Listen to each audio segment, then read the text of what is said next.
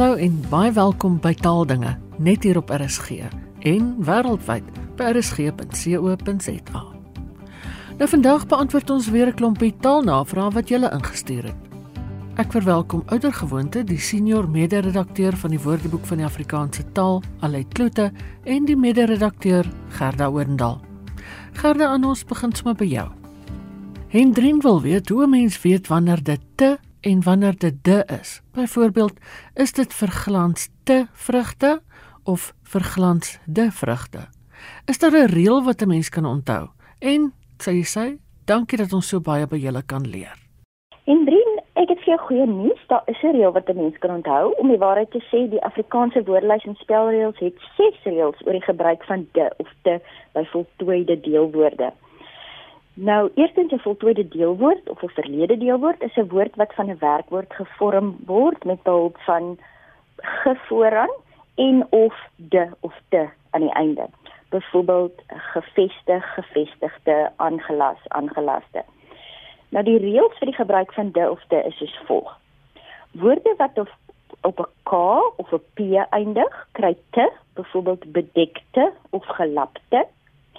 En indien 'n woord op 'n L, N, N en 'n N of 'n R eindig of ook op 'n vokaalletter en of op 'n diftong, kry dit altyd de. Byvoorbeeld bestelde, ontruimde, verdunde, gemengde, beseerde, gebreide, verdraaide. Woorde wat op b of d eindig, of b of d en wat voorafgegaan word deur 'n kort vokaal behalwe u of o kry de met ander woorde geripte of geredde. En woorde wat op de eindig wat voorafgegaan word deur die vokale u of o of enige lang vokaal kry slegs die e by met ander woorde bebloede of opgevoede. Maar ongelukkig is dit nie oral so maklik nie. Daar's ook gevalle waar sowel de as te gebruik kan word. Byvoorbeeld by woorde wat op f g of s eindig kry jy de of de soos jy kan sê gestyfde of gestyfde uh, ingelegde of ingelegde vir Afrikaans de of Afrikaanste. En ook die forme met heid wat afgelei is van die woorde op f g of s uh, word met 'n de of 'n te geskryf soos aangehegtheid of gehegtheid en by sommige woorde waar sowel die de of die te gebruik word het een van die twee forme al so gevestig geraak dat die een vorm al begin vreemd klink en nie meer algemeen gebruik word nie. So behalwe vir die feit dat daar ehm um, opsies is, het dit nou al in sekere gevalle gebeur dat een opsie meer uitstaan as die ander. So om saam te vat en drie alhoewel daar 'n paar reëls is wat jy kan onthou en wat jou kan help, is daar ook gevalle waar dit nie altyd so eenvoudig is nie.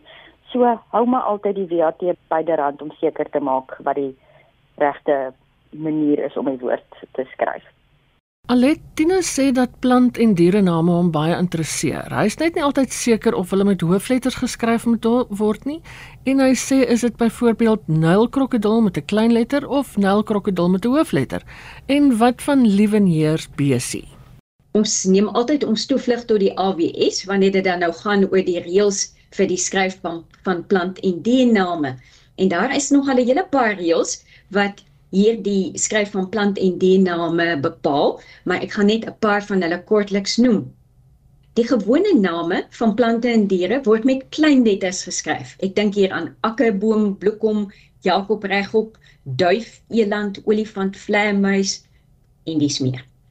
Hierdie reël geld ook wanneer die plant of die diernaam 'n samestelling is waarvan die eerste lid 'n eie naam is. Dit kan nou 'n geografiese of 'n plek of 'n persoonsnaam wees.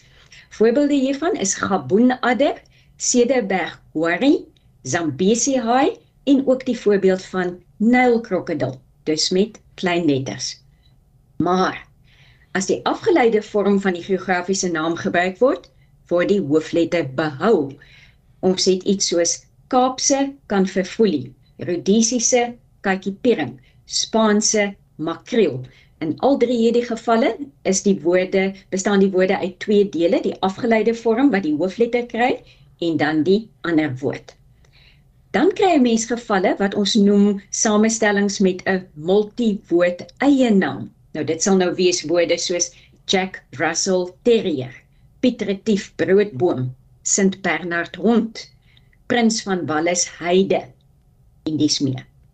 Nou die Jack Russell, Piet Retief, Sint Bernard en Prins van Wallis gedeeltes, daar word die hoofletters behou en dan word dit met die multiwoord uh word dan met 'n koppelteken aan die gewone woorde wat met klein letters geskryf word verbind. Daar is enkele uitsonderings op hierdie reël as gevolg van eie naam verbleking. Nou wat bedoel ons met eie naam verbleking? Ons bedoel dat ons nie meer die eie naam as 'n eie naam as sodanig herken nie. En dit kry ons in gevalle soos Jan Frederik, Klaas Loubossie, Port Jackson Boom en hulle word almal met klein letters vasgeskryf. En ek dink Liebens hier is besig sou mense hier kon tuisbring. Terloops, mense kry die naam van die kewertjie uit Nederlands Liefenheers beestie en dit word so genoem na die maagd Maria uit die Christelike mitologie waarin die rooi kleur van die kewertjie die maagd se mantel verteenwoordig en die swart kolletjies op sy dop haar vreugdes en verdriet. Ons kry ook plant en diername waar die persoonsnaam met se aan die soortnaam verbind word en dan word die hoofletter behou. Byvoorbeeld Jeffrey se saalneusvleermuis. Of jy kry met koppeltekens Moses koppelteken se koppelteken Kerry, Moses se Kerry wat 'n boomsoort is. En in beide hierdie gevalle word Jeffrey en Moses met dan met hoofletters geskryf. Dan is daar gevalle waar 'n mens hoof of kleinletters kan skryf. En dit kry ons by die benamings van dierrasse, cultivars en plantvariëteite. Dit is 'n Jersey koei of 'n Jersey koei met 'n hoofletter.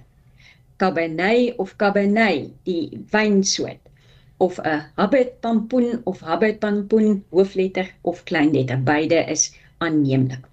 Ten slotte, net die volgende oor taksonomiese benamings.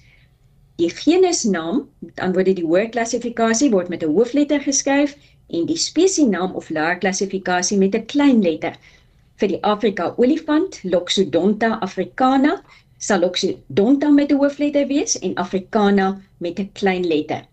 Of vir die soetgousblom Arctotheca calendula, Arctotheca met 'n hoofletter, Calendula met 'n klein letter. My storie is uit. Wel, dis 'n baie interessante storie, maar ek dink mens moet maar altyd die AWS byderhand hou hierso. Dit help definitief.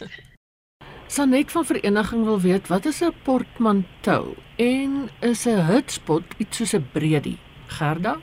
Sanet portmantou is 'n ou woord wat nie regtig meer gereeld gebruik word nie, maar dit is basies 'n groot reistas, dit wels van leer wat plat in twee ewe groot helftes kan oopvou. Die woord kom uit Frans en is gevorm uit die samevoeging van die woorde porter wat om te dra beteken en manteau wat mantel beteken aangesien portmanteau in Middelfrans 'n jasstaander was. Nou 'n hutspot is oorspronklik 'n gereg wat gemaak is van fyn gesnyde vleis met bruin gesmoorde eie, blomkool, vars aardappels, suurlemoen en naaltjies en wat dan gestoof is en soms met blokkies witbrood opgedien is. Dit word ook soms 'n huispot genoem. Nou die woord hutspot het intussen egter ook ander betekenisse gekry. Dit kan byvoorbeeld ook enige mengelmoes van kos wees, maar dan word dit ook dikwels so effens negatief gebruik. So as jy nou sê, "Ooh, wat 'n hutspot het jy nou weer vandag vir ons gemaak." Ja, dit klink so 'n bietjie negatief. Maar laasens kan die woord ook figuurlik gebruik word om te verwys na enige versameling dinge of mense van uiteenlopende aard. Dit wil half om 'n mekaar spul te vorm. So ons kan byvoorbeeld sê Suid-Afrika is 'n hotspot van kulture. Alet, jy sê iemand het jou onlangs gevra wat die verskil tussen lankmoedig en verdraagsaam is en jy het beloof om die vraag op taaldinge te beantwoord. Ja, dit was net om my 'n bietjie tyd te gun om seker te maak dat ek daardie onderskeid reg kry. Hierdie soort vraag illustreer juis die soort problematiek waarmee ons leksikograwe daagliks te maak het. Ons moet dikwels woorde wat betekenisaspekte gemeen het uitmekaar probeer hou. En dit is wat ek hier met lankmoedig en verdraagsaam probeer doen het. Sowel lankmoedig as verdraagsaam het 'n element van geduldig maar die woorde is nie absoluut sinoniem nie. Lankmoedig beteken om oor 'n lang periode moed te hou. En dis nie van stryk gebring te word wanneer dinge moeilik gaan nie. Met ander woorde, om met geduld te volhard. Verdraagsaam aan die ander kant beteken om kwaad, onreg of afwykende handels of denkwyses met geduld te verdra, om toegeeflik te wees of inskikkelik te wees. Gerda Mariet wil weet waar die woord ensemble vandaan kom en in watter kontekste dit gebruik kan word. Mariette, ons kry die woord ensemble van die Franse woord ensemble wat beteken al die dele van 'n ding saam beskou. Nou Frans het hierdie woord van weer van Latyn ensemble ontleen wat gelyktydig beteken. Daar's verskeie kontekste waarin ons ensemble kan gebruik en die meeste mense is waarskynlik vertroud met die gebruik van ensemble in die konteks van musiek waar dit verwys na enige kombinasie van twee of meer sangers of spelers wat saam musiek uitvoer of na die totale indruk wat gewek word wanneer 'n groep saam musiek uitvoer.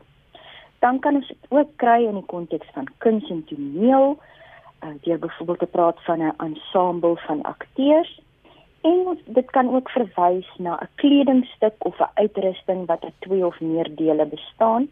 So ek kan sê Mariette, jy het darem 'n mooi ensemble aan vandag. Ja, ek dink die die musiek een soos jy sê is dalk die algemeenste. Ek dink ook so ja. ja. Dit, dit dit is definitief ek dink as ons dink ensemble dink ons dadelik aan die musiek betekenis. Ja. Alet Jan Blighnout wil weet wat is die Afrikaans vir trolley dash. Die verskynsel dat mense by 'n supermarkie geleentheid kry om binne enkele minute soveel produkte as moontlik in hulle trollies te laai. Ja, dis nog 'n uh, interessante verskynsel. Volgens die Oxford English Dictionary is die woord trolley dash vir die eerste keer in 1991 gebruik. En die Afrikaans vir trolley dash is waantjie stormloop of waantjie wedloop. Mense sou ook ons sê trolley stormloop. Maar ek dink van hierdie drie is waantjie stormloop miskien die beste vertaal ekwivalent want ehm um, ons vertaal to make a dash at something or for something met op iets afstorm. En die eerste opgawe van waantjie stormloop wat ek kon opspoor dateer uit 1998. Gerda Anja Roewel weet wat 'n riemtelegram is. Anja, riemtelegram is 'n onbevestigde of ongegronde gerug dikwels uit 'n onbetroubare bron en dan wat gewoonlik vinnig versprei. Nou Telegram weet ons verwys natuurlik na 'n kommunikasiemedium wat vroeër jare gebruik is, nou nie meer in gebruik nie. Maar anders as by 'n gewone Telegram waar die boodskap via die telegraafdraad oorgedra is, word die boodskap hier met 'n riem gestuur, met ander woorde met 'n lang smal strootjie leer. En dit is natuurlik nie moontlik nie wat daarop dui dat die nuus of die boodskap wat oorgedra is um, net soos met 'n nagemaakte telegram oorgedra word dit eintlik vals is. Ja. Alet Nelda Viljoen van Woester sê Dis op skool by ons ingedrul dat onmiddellik met 2 D's en 2 L'e gespel word. Ek kon nog nooit verstaan hoekom dit nodig is nie. Verduidelik asseblief. Onmiddellik is afgelei van middelik en dis 'n woord wat aansienlik minder gebruiklik is as onmiddellik. Middelik beteken onregstreeks of indirek, gewoonlik met behulp van 'n derde party of 'n tussenganger of met 'n tussenstap of 'n tussenstadium, met ander woorde, die middel van iets. Ons kan praat van 'n middelike doel, 'n middelike gevolg, oorsaak, werking en dis meer. Onmiddellik beteken dan nie onregstreeks of indirek nie, maar regstreeks of dadelik of direk. Middel word met twee D's gespel, want die konsonant D staan tussen twee vokaalletters, waarvan die eerste een kort is en die hoofklem dra. Om dan die afleiding middelik van middel te vorm, word die agtervoegsel lik bygevoeg. Dit verklaar die twee L'e. En die agtervoegsel lik word hier gebruik om 'n byvoeglike naamwoord van 'n selfstandige naamwoord te vorm en lik het min of meer die betekeniswaarde van met dit wat deur die stam genoem word. In die geval dus met 'n middel, met 'n tussenganger of met 'n tussenstap. En die verdubbeling van die konsonantletters geskied is hier nie sommer net luk raak nie.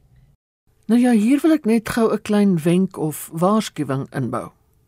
As jy 'n sensitiewe luisteraar is, is dit nou die tyd om gou te gaan tee maak of om te gaan kyk of alles reg is by die braaivleisvuur. Gerda die foptosser Pichikin wil weet wat die Afrikaans vir merkin is. Baie dankie vir jou navraag Pichi. Ehm um, ek moet bieg. Ek moet eers gaan naslaan wat 'n merkin is en omdat ek vermoed dat baie van ons luisteraars dalk ook nie met die woord vertroud is nie, verduidelik ek graag eers wat merkin is voordat ek by die Afrikaanse vertaling daarvan kom. Nou die Engelse woord merkin is 'n wisselvorm van die woord malkin wat mop beteken. Verwys na 'n kunsmatige haarbedekking vir 'n vrou se skaamdele. Nou hierdie verskynsel dateer uit die middel van die 1500s en is veral met sekswerkers geassosieer wat hulle skaamhare afgeskeer het om van haarlyse ontslae te raak of om enige skending as gevolg van seksueel oordraagbare siektes weg te steek. Later is dit ook deur aktrises gebruik wanneer hulle naak op die verhoog moes verskyn. En deesdae word dit ook as 'n mode-item gedra. Nou ek het by verskeie woordeboeke gaan kers opsteek, maar dit lyk nie vir my of daar 'n Afrikaanse vertaling is vir mukke nie. Maar aangesien dit in Engels ook as 'n pubic wig beskryf word en ons in Afrikaans ook na enige ander kunsmatige hare as 'n pruik verwys, het ek gedink dat skaampruik 'n moontlike vertaling in Afrikaans kan wees. En soos ons uit woorde soos skaamdele of skaamhare kan sien, vertaal ons in Afrikaans dikwels pubic met skaam en van daar dan my voorstel skaamhare. Toe het ek ook ter interessantheid sommer gaan kyk wat doen die Nederlanders en die Duitsers met mukken en tot my verbasing noem die Nederlanders dit toe ook 'n skaambruik.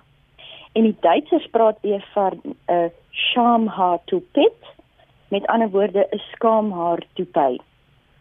So my voorstel is dus dat jy merken of merken ekskuus aspek ek het nou soos Afrikaans uit, né? Is dat jy merken as skaampreek in Afrikaans vertaal. Alite anonieme luisteraar van Piketberg vra waar die woord stinkryk vandaan kom. Nou ja, dit sal baie interessant wees. Dis nou nie 'n toestand wat ek ooit sal bereik nie. nee, ek ook nie. Wanneer dit oor die herkoms van woorde gaan, gebeur dit maar altyd dikwels dat 'n mens nie met 100% sekerheid kan sê waar die woord vandaan kom of wanneer dit vir die eerste keer gebruik is nie.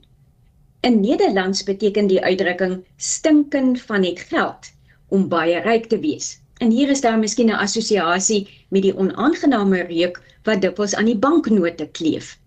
En dan is dit nou ook nie moeilik om die sprong van hierdie uitdrukking na die woord stinkryk te maak nie.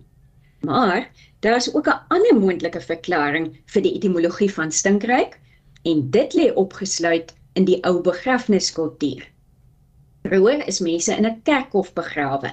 En wanneer ek nou praat van die kerkhof, dan is dit nou ook in sy oorspronklike betekenis van tuin rondom die kerk.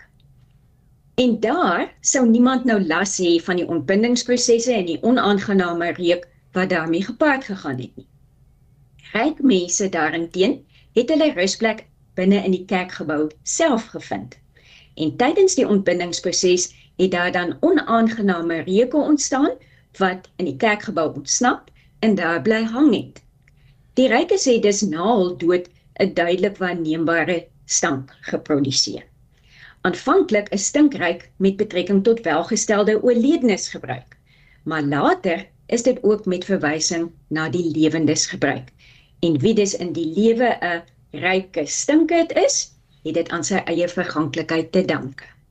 Gerda, laaste vraag, Buk sê. My ouma het altyd gesê my oupa drink kassaterwater wanneer hy koffie drink. Nou soos ek dit verstaan, verwys kassaterwater na flou koffie.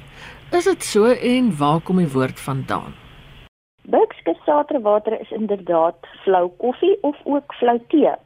Nou dis nie seker waar die woord kassaterwater vandaan kom nie, maar daar is 'n verband met die Nederlandse woord slavaat wat dun slap koffie beteken of die Portugese woord cassando wat flou of swak beteken of selfs die Portugees chasa wat slegte swak tee beteken. En ons weet natuurlik Portugees het ook 'n invloed in Suid-Afrika op Afrikaans gehad. En is hierdie laaste woord chasa wat die waarskynlikste lyk uh, as dit ons praat oor die herkoms van die woord kasaterwater. Maar ons kan dit nie met 100% sekerheid sê nie. Maar dit lyk vir my die meeste Afrikaanse mense sien meer op flou koffie of tee, want die, in die WAT is daar meer as 50 woorde om na flou koffie of tee te verwys. Ons kry byvoorbeeld kalsaterwater, kaljaterwater, kasaaitjie water, kasala water, kasara water ensovoorts. En in hierdie woorde hoor ons hierdie k klank aan die begin, maar daar's ook ander forme met die t klank aan die begin, soos te talsaterwater, te saliwater, te. En dan in ander gevalle word die waterdeel weer weggelaat, soos te saad, kasaat, kisaat en tasaat. En laastens is daar ook forme soos gabbytjies, genadewater, kanariewater, guawater, kebewater en sambula water. Nou benewens flou koffie of tee kan kasaterwater vir mense in Britsdal en Pretoria ook verwys na drank met baie water daarbey of vir die belwillers of bloemfonteiners na baie dun sop. Hoe dit ook al sê, dit wil vir my voorkom asof ons Afrikaans sprekendes van ons drinkgoed sterk hou. En ek onthou daarom self hoe die pot rooibos tee op my oorlede ouma Beatrix se stoof staan en kook het wanneer ons na kerk by haar gaan tee drink het. Dit was Gerda Odendal, mede-redakteur van die WAT. En jy het ook die stem gehoor van Alet Kloete, senior mede-redakteur van die Woordeboek van die Afrikaanse taal. Stuur gerus jou taalnavrae vir my. My e-posadres is ina@rsg.co.za. En daarmee groet ek. Geniet die res van die dag in RSG se geselskap. Bly veilig, bly gesond. En van my Ina Strydom groete tot 'n volgende keer.